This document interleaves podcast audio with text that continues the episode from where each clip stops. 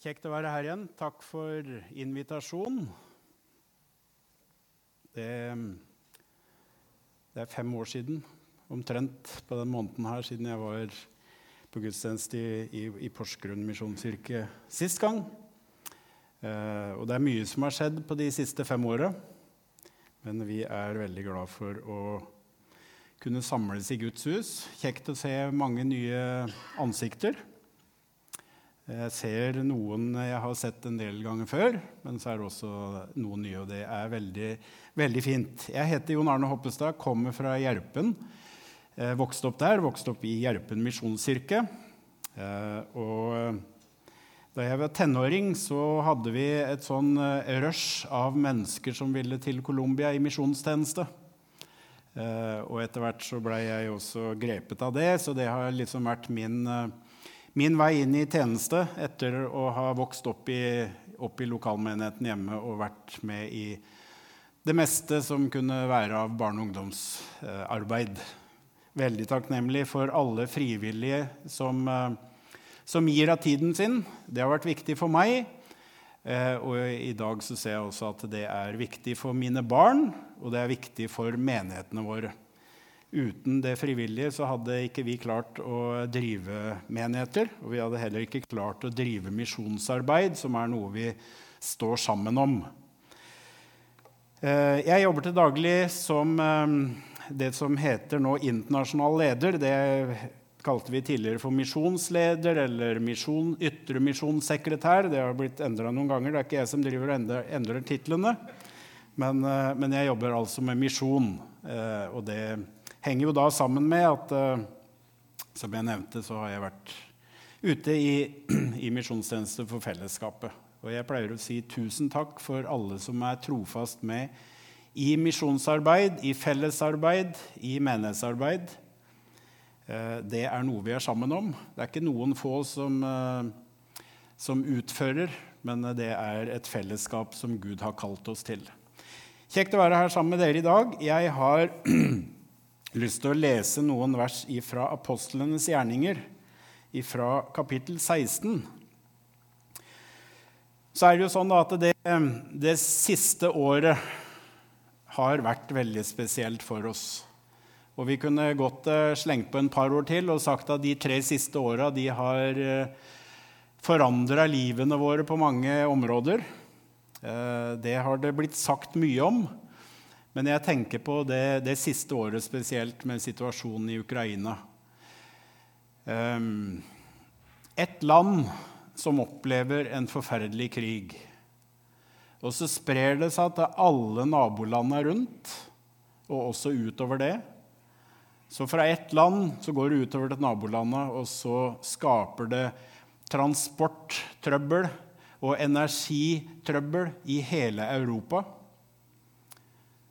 Men så ser vi at konsekvensene trekker enda lenger også. Vi ser en verdensøkonomi som er, har vært ustabil.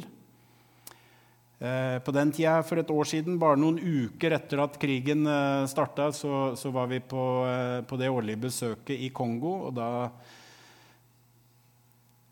går eh, lederen for Kongokirken ned på kne. For han ser allerede da konsekvensene av krigen også i Afrika høyere transportutgifter, mangel på mat. Som vanlig så er det de fattigste det går hard, hard, hardest utover, også i Kongo. Vi har en søsterkirke inne i Ukraina som ble med i vårt internasjonale misjonskirkefellesskap for fem år siden.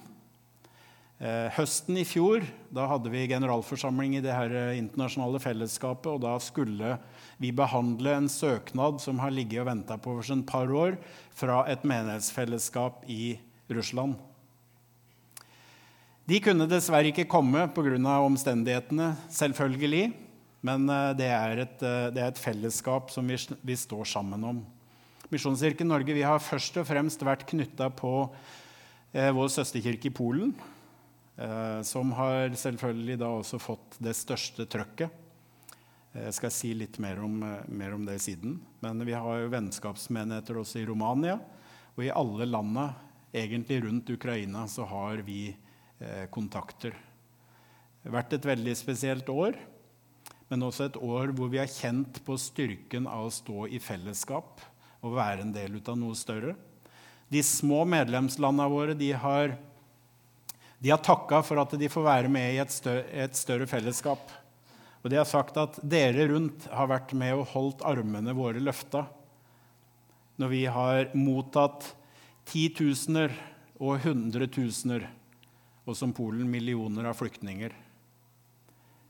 Um, en situasjon som eh, vi vanskelig kan forstå og, eh, og kjenne på.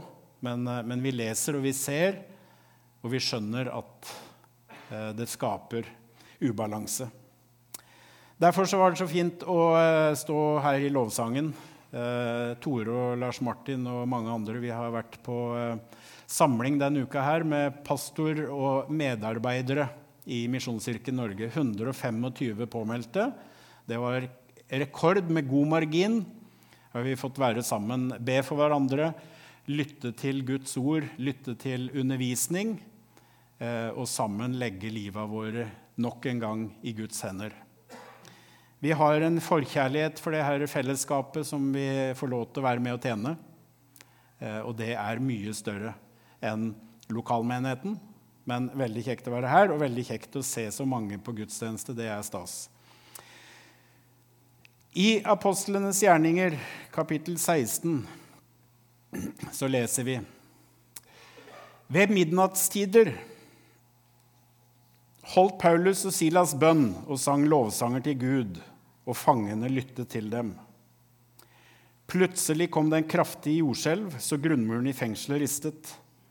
Straks sprang alle dørene opp, og lenkene løsnet av alle fangene. Fangevokteren for opp av søvnen og så ut av fengselsdørene og så at fengselsdørene sto åpne. Han grep et sverd og ville drepe seg fordi han trodde fangene var rømt. Men av all sin kraft ropte Paulus til ham, 'Ikke gjør deg selv noe vondt. Vi er her alle sammen.' Fangevokteren ba om å få lys løp inn og falt skjelvende ned for Paulus og Silas. Så førte han dem utenfor og sa, Hva skal jeg gjøre, gode herrer, for å bli frelst? De svarte, Tro på Herren Jesus, så skal du og alle i ditt hus bli frelst. Og de forkynte Herrens ord for ham og alle i hans hus. Takk, Jesus, for ditt ord. Takk for at du minner oss på kraften i ditt nærvær. Takk for, takk for, at du minner oss om kraften i fellesskapet. Og takk for at du minner oss om at vi alltid kommer til deg først i livets utfordringer. Takker deg for ordet og ber om at du skal lede oss inn i bibelteksten i Jesu navn. Amen. Det her er en tekst om Paulus og Silas i fengsel. Og eh, Paulus og Silas de er ute på det som eh, Bibelen kaller for den andre misjonsreisen. Dvs. Si den andre misjonsreisen for Paulus. Han reiste ut noen år tidligere sammen med Barnabas. og Da reiste de mot Kypros og Lille-Asia, eller Asia som vi ville sagt i dag, i den retningen. Og så planta de menigheter. Og Så kom de tilbake, og så var de litt i, litt i opplag og forberedte seg for en ny utreise. Og så reiser de ut nok en gang. Eh, hvis du kjenner veldig godt detaljer her, så husker du kanskje at Paulus og Barnabas de valgte å gå hver sin vei. Så Paulus han tok med Silas på denne, på denne turen. Og så planlegger de da å reise tilbake til der de hadde vært på den første misjonsreisen. De planlegger da å besøke alle menighetene som ble planta.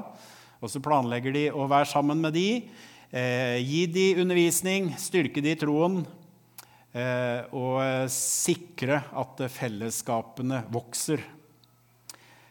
Så leser vi tidligere her at eh, Den hellige ånd ved to anledninger stoppa de. Veldig spesielt å lese, og i hvert fall hvis eh, ikke du er så eh, hvis ikke du har levd med Jesus så veldig lenge, så kan eh, sånne type historier være litt rare. Men Den hellige ånd leser vi, han stoppa de ved to anledninger. og Så er det her Paulus også får det her synet, hvor han ser en makedoner som står og roper 'Kom over og hjelp oss'. Kom over og hjelp oss. Paulus han hadde opplevd såpass mye med Jesus at han skjønte hva som var i gjære. Så han skjønte at han måtte legge om planene sine, og han måtte kansellere en del avtaler og en del besøk framover fordi han måtte snu og gå en annen vei. Og så leser vi at eh, Paulus og Silas de kommer etter hvert til byen Filippi. Alt det her kan du lese foran de versene som, eh, som, vi delte.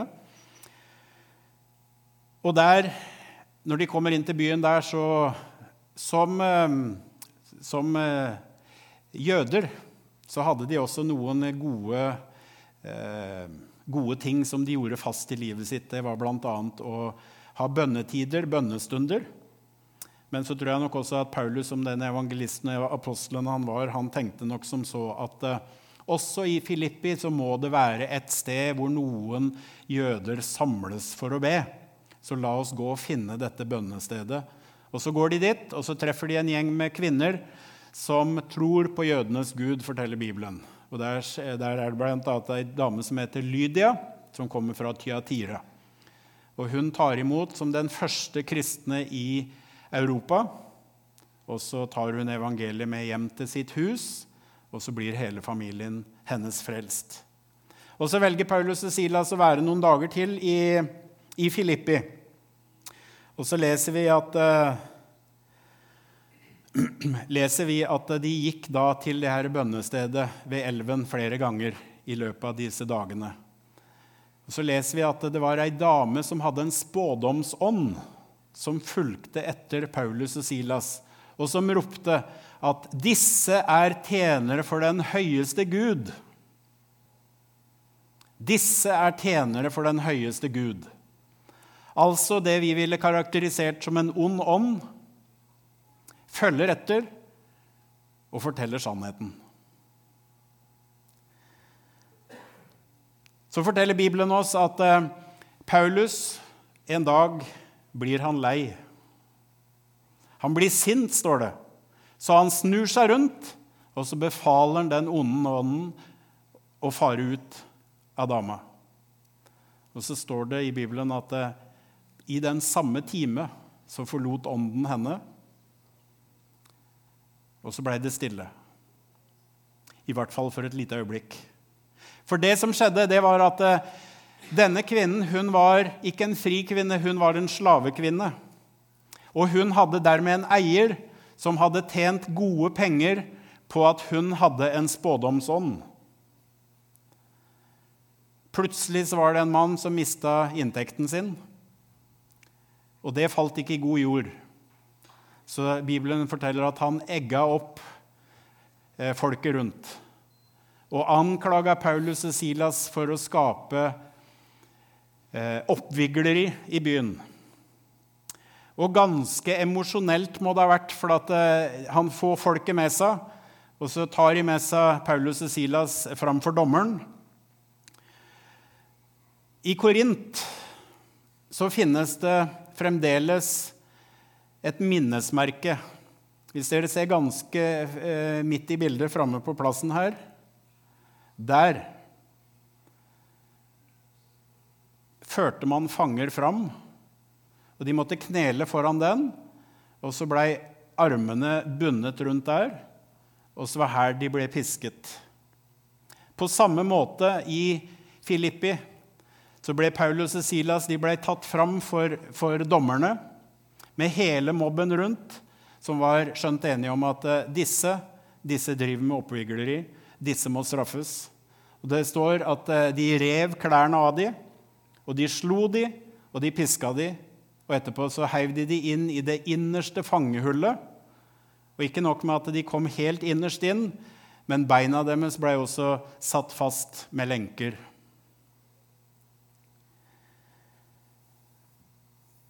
De ble altså fengslet på grunn av en løgn.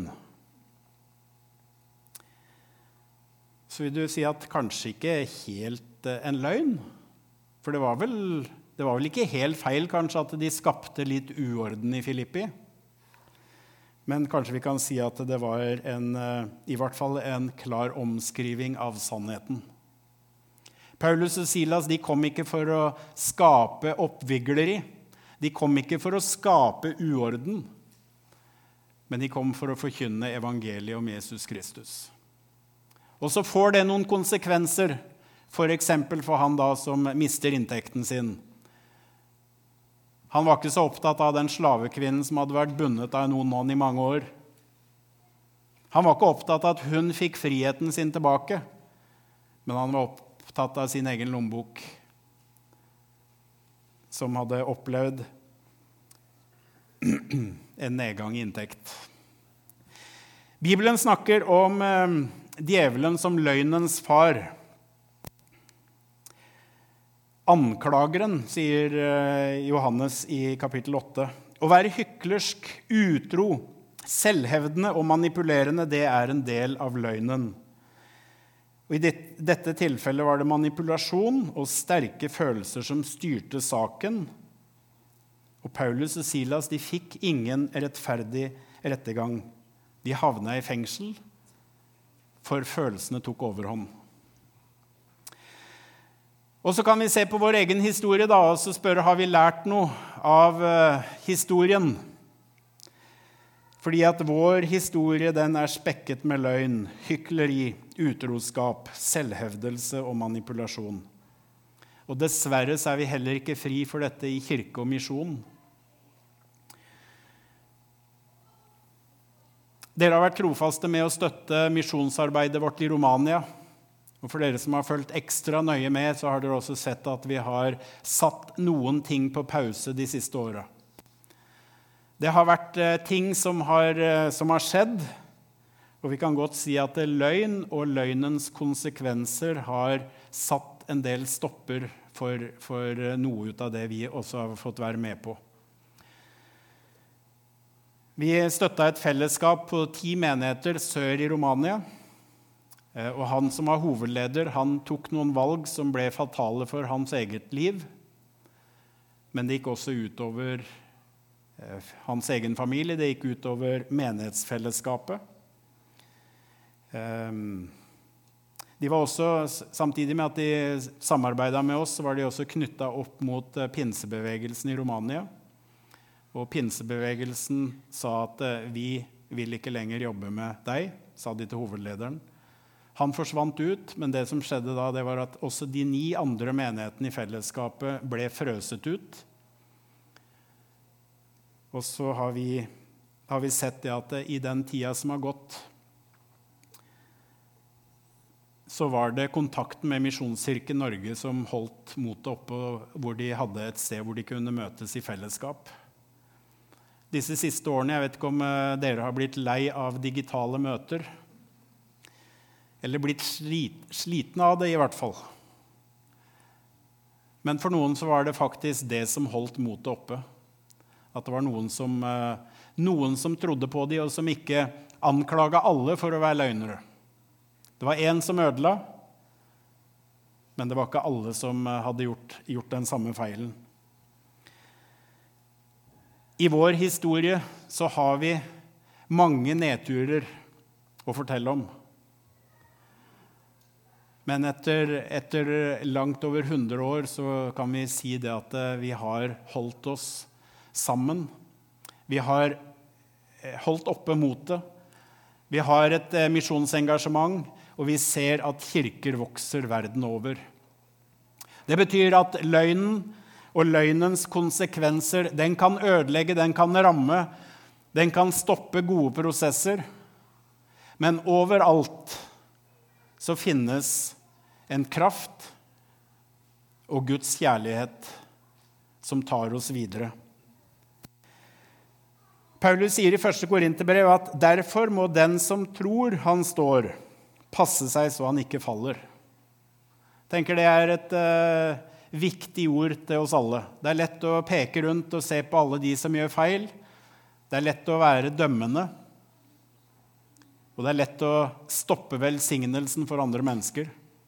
Men vi har først og fremst et ansvar å ta ansvar for eget liv og egne handlinger.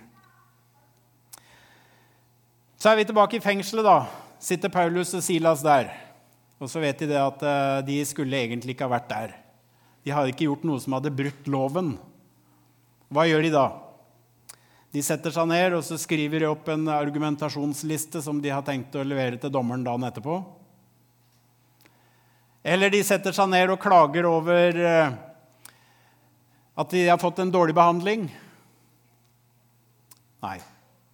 De har allerede levd såpass nært med Jesus at de skjønner at ok, dette er utenfor vår kontroll, men Gud har kontroll.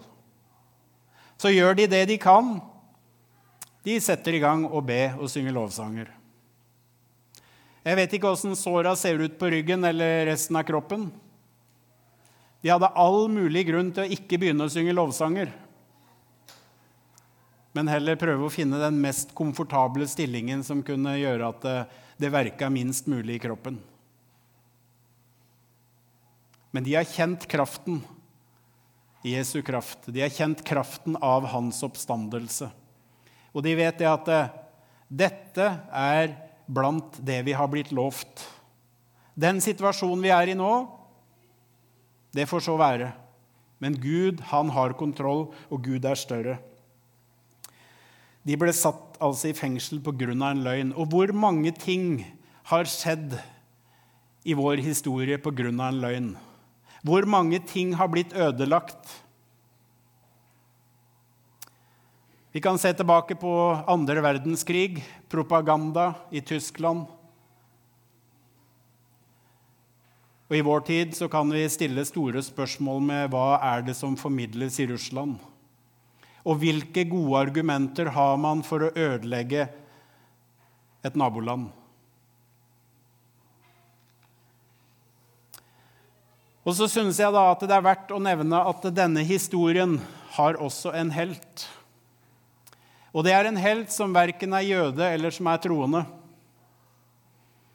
Men det er en fengselsbetjent. Og jeg tenker det at Hadde vi hatt 100 som han, så kunne vi ha gjort store ting. For vel var han ikke troende, men han var trofast. Hva er hans reaksjon etter jordskjelvet? Veggene har rast, lenkene har falt av fangene. Hans første reaksjon Jeg har svikta mitt ansvar. Jeg må ta sverdet, og så må jeg avslutte mitt eget liv. Jeg må betale prisen, for jeg har feila i det som var min store oppgave. Og så syns jeg jo han er forferdelig hard med seg sjøl. Hadde han tenkt et lite øyeblikk til, så kunne han liksom tenkt at det var faktisk et jordskjelv. Det var ikke det at jeg glemte nøklene igjen i låsen, eller at jeg gjorde en annen, annen tabbe, men det var et, et jordskjelv som ikke han kunne rå over. Og Han kunne også tenkt litt lenger og, og tenkt at eh, sjefene for fengselet her de vil vel kanskje se i nåde til meg og tenke at det er ikke, det er, det er ikke fengselsbetjentens feil, det som skjer her. Men det var hans første reaksjon. Og han satte sin egen oppgave høyere enn sitt eget liv. Og så tenker vi han var jo bare ansatt i et fengsel. Men han hadde en moral og en etikk som jeg tenker mange, også i kirken, kunne lære av. Vi kunne lære av hans dedikasjon og hans overgitthet. Og Derfor så ønsker jeg også å løfte fram han og si at det finnes en helt også i denne historien. En som satte oppgaven han hadde fått, høyere enn sitt eget liv. Og så vet vi at vi skal være forsiktige med å presse ansvar på folk. Men jeg tror, jeg tror dere skjønner hva jeg, hva jeg tenker på. Et menneske vi kan lære av, et menneske vi kan bli inspirert av. Et forbilde for oss alle. Og så ser vi resultatene av det her, da. Paulus roper, 'Ikke skad deg sjøl, vi er her alle sammen'. Og selv fangevokteren måtte innrømme etter hvert at dette er faktisk et mirakel. For hvis det hadde vært et helt normalt jordskjelv, så ville liv ha gått tapt. I hvert fall når det var såpass at murene raste og lenkene løsna. Det er ikke normalt at noen gikk eh, derfra uten å være skada. Så står det så fint om denne fangevokteren, da. I denne sene nattetimen tok han med seg og vasket sårene deres. Og han ble straks døpt med alle sine. Så tok han dem hjem og ga dem mat, og han gledet seg sammen med hele sitt hus over å ha fått troen på Gud. Fantastisk historie. Dermed hadde Filippi to familier som var frelst, og det ble starten på en menighet. Det holder med to familier for å starte en menighet, altså. Vi er en del av et stort fellesskap.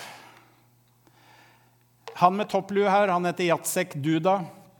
Han er pastor i Polen. Noen av dere har sett bilder ut av han før. Vi har skrevet om han i Misjonsbladet. Han har eh, tilbrakt i grunn hele sitt liv i kirken. Eh, og han var ungdomsleder eh, for noen år siden da han var i Norge for første gang, og vi ble kjent med han. Og så har han i eh, nesten 25 år vært eh, pastor i en eh, menighet i Lublin i Østpolen, som ligger ca. 10 mil fra grensen til Ukraina. Jacek han, han, er såpass glad i å evangelisere også i sin egen by og landsby rundt at etter 25 år så fant han ut at han måtte jobbe mer med menighetsplanting. Så har Misjonskirken Norge nå de tre siste åra fått lov til å være med og dekke lønn for Jacek som menighetsplanter i Østpolen. Men eh, det var ikke så altfor lenge han fikk jobba bare som menighetsplanter. For etter krigen brøt ut og flyktningene strømma over grensa inn til Polen, så fikk alle, alle menighetene, alle søsterkirkene våre i Polen, de fikk eh, enormt med pågang. Og noen måtte koordinere. Og Jacek han ble valgt av kirkeledelsen til å være med å koordinere og til å følge opp de unge pastorene eh, rundt i de ulike menighetene. Så hører det også med til historien at han på, i frihelgene sine som pastor de siste åra har han reist tre til fire ganger inn over grensa inn til Ukraina og besøkt fattige familier. Da har han fulgt opp sin egen bil med litt mat og litt klær og så tatt med seg én eller to. Noen ganger har det vært to biler som har gått over. Og så har vi også av Misjonskirken Norges felles midler så har vi eh, sendt eh, 10 000-12 000 kroner hver gang han reiser på disse misjonsturene. Og så opplever vi plutselig da at når, når krigen bryter ut, så, så, finnes det allerede et nettverk.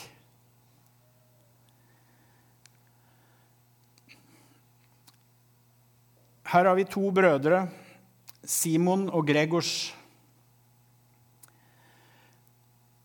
Han til venstre, Simon, han er pastor i en liten misjonskirke i Polen, i en by som heter Rubiesjov. Den ligger bare 17 km fra nærmeste grenseovergang til Ukraina. Han er pastor i en menighet med 30 medlemmer. Og 30 eh, medlemmer har vi lært. To familier, det holder for å starte en menighet. 25 av de 30 medlemmene de er pensjonister.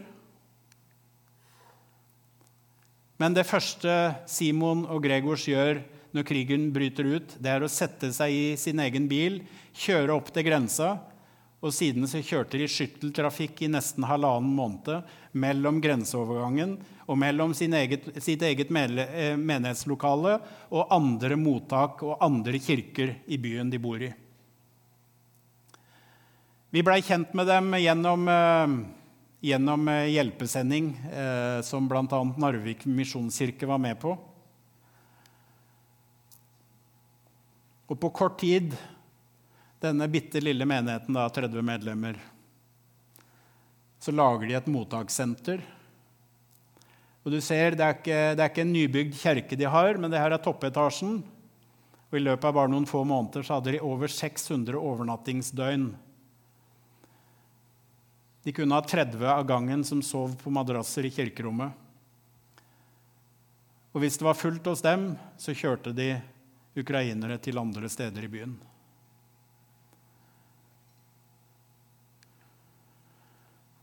Dani Radu han er politimann og bor sør i Romania. Ble en kristen, endra livet sitt og sa det at nå har jeg blitt kjent med Jesus. Og jeg har fått et nytt liv etter at jeg tidligere levde på en livsløgn. Evangeliet kom. Og så er han veldig glad i basketball, som dere kanskje kan se på T-skjorta.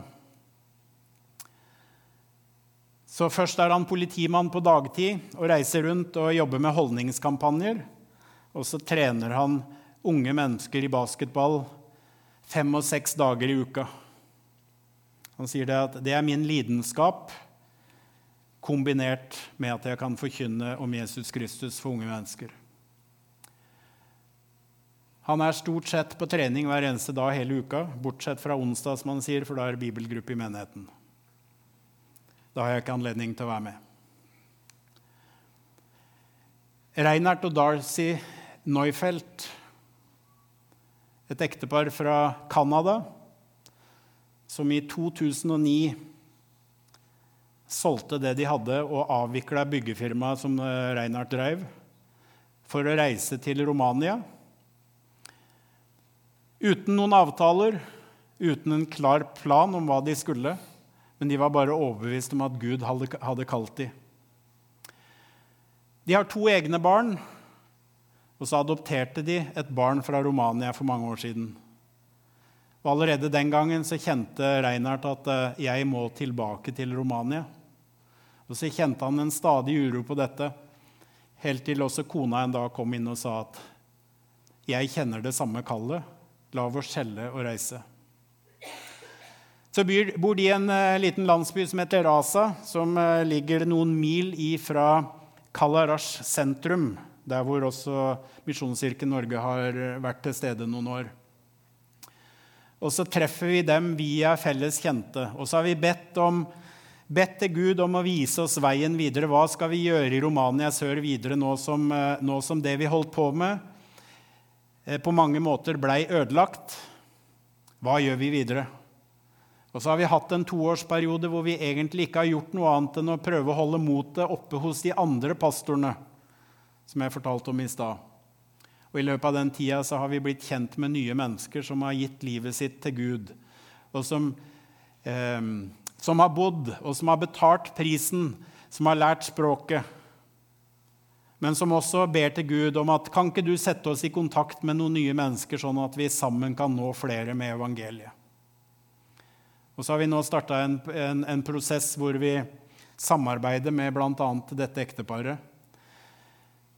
De reiste til Romania, fikk eh, kjøpt ei tomt.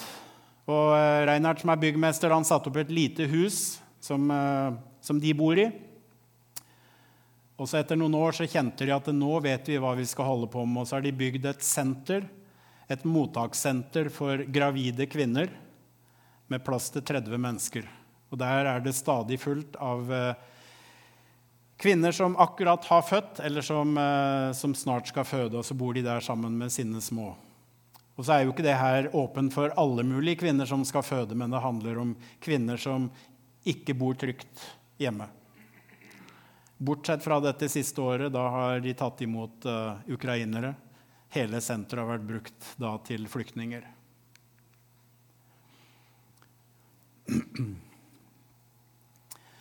Vali og Mara, en av, som, en av pastorfamiliene vi har hatt kontakt med i flere år.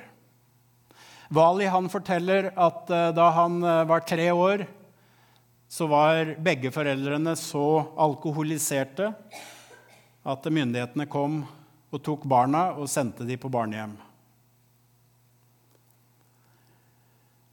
Livet kunne ha blitt annerledes. Han vokste opp og eh, han traff gode mennesker, og han begynte å jobbe som ungdomsarbeider i lokalmenigheten. Og så blir han byggmester og livnærer seg på det. Men så tenker han at Gud vil bruke meg til noe annet, og så begynner han å studere juss, og så blir han jurist. Og så tenker han at Gud kan bruke meg som jurist. Men før han egentlig rekker å begynne på den jobben, så kjenner han at nei, Gud vil bruke meg som pastor. men med en kompetanse som, som jussen også har gitt meg. Så da begynner han på sin tredje utdannelse og studerer teologi. Og så har han og kona valgt å tjene Jesus i et par små landsbyer i Romania, hvor det er lite evangelisk virksomhet fra før. Han forteller hvordan de kom inn i den, eh, den ene landsbyen. Da sier han at eh, jeg kjente bare at eh, Jesus sa jeg skulle ta fram gitaren jeg hadde bak i bilen, og så stille meg i gata. Og så var det det jeg gjorde, så begynte jeg å synge lovsang. Og så samla folk seg rundt. Og etter at vi hadde vært der en stund, så var det ikke mulig for andre å komme forbi. Og da skjønte jeg at her har Gud kalt oss til å plante en menighet. Og Så fikk de tak i et eh, område og så fikk de tak i et telt. Så hadde de teltmøter i to år. og Hvis du har vært i Romania på vinterstid, så er ikke teltmøter det du har mest lyst til. Hvis du har vært der på sommerstid, midt i, midt i heten og regnværet, så er heller ikke et telt du har lyst til å være i. Men som byggmester så, så kunne han etter hvert også begynne å bygge, bygge opp en kirke.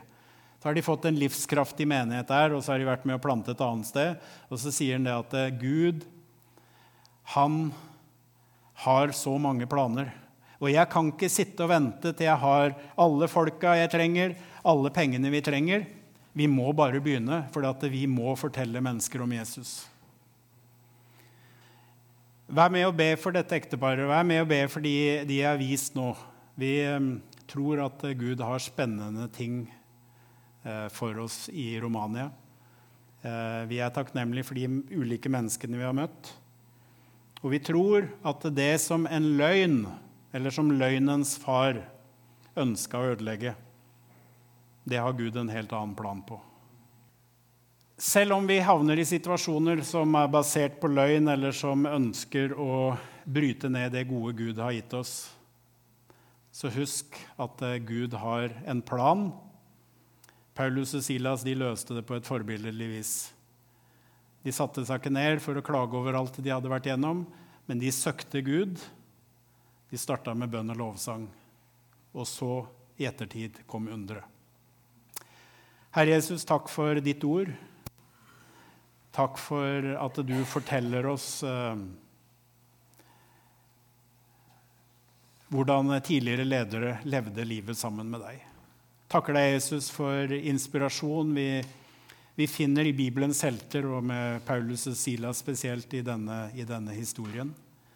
Og Vi takker deg, Herre, også for at det har vært rom for fengselsbetjenten, som ikke var en troende, men som hadde en moral og en etikk som inspirerer oss, og som etter hvert også ble kjent med deg. Herre Jesus ber om at vi som uh, misjonskirker og fellesskap skal oppleve gleden av å stå sammen. At vi skal oppleve kraften i ditt ord.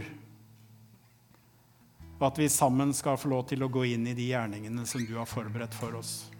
Takker deg, Herre, for menigheten her i Porsgrunn. Takker deg for hver eneste en som, eh, som velger å bruke av sin tid her. Må du rikt velsigne tilbake i Jesu Kristi navn. Amen.